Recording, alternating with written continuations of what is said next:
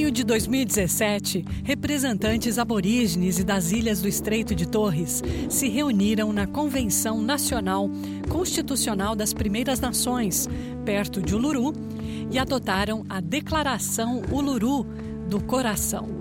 A declaração propõe uma mudança na Constituição da Austrália, reconhecendo os povos das Primeiras Nações da Austrália na Constituição e mostrando o caminho a seguir baseado na verdade, justiça e autodeterminação.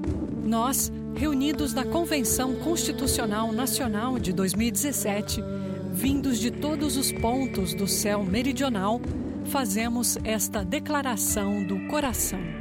Nossas tribos aborígenes e das ilhas do Estreito de Torres foram as primeiras nações soberanas do continente australiano e suas ilhas adjacentes e as mantiveram de acordo com nossas próprias leis e costumes.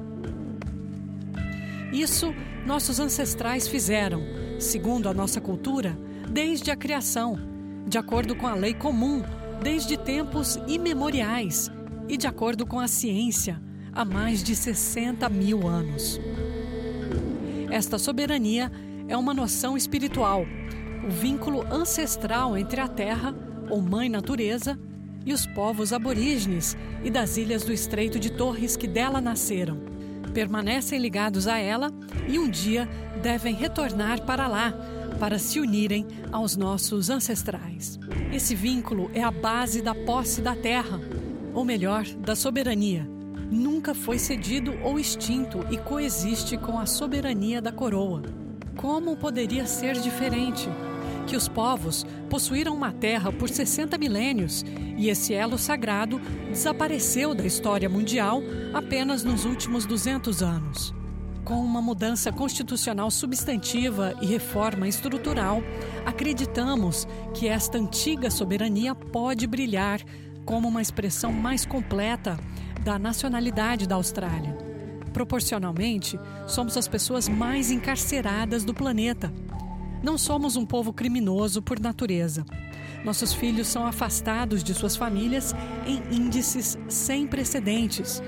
E isso não é porque não os amamos. E nossa juventude definha na detenção em números obscenos.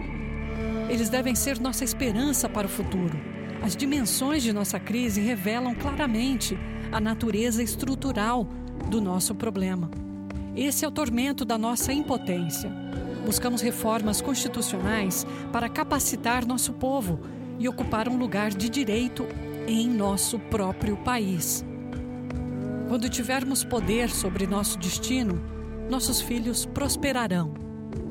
Eles vão caminhar em dois mundos e sua cultura será um presente para o seu país. Apelamos para o estabelecimento de uma voz das primeiras nações consagrada na Constituição Macarrata é o ponto culminante de nossa agenda, a união depois da luta. Ela captura nossas aspirações por um relacionamento justo e verdadeiro com o povo da Austrália e um futuro melhor para nossos filhos com base na justiça e autodeterminação. Procuramos uma comissão macarrata para supervisionar um processo de celebração de acordos entre governos e os povos das primeiras nações e apresentar a verdade sobre a nossa história.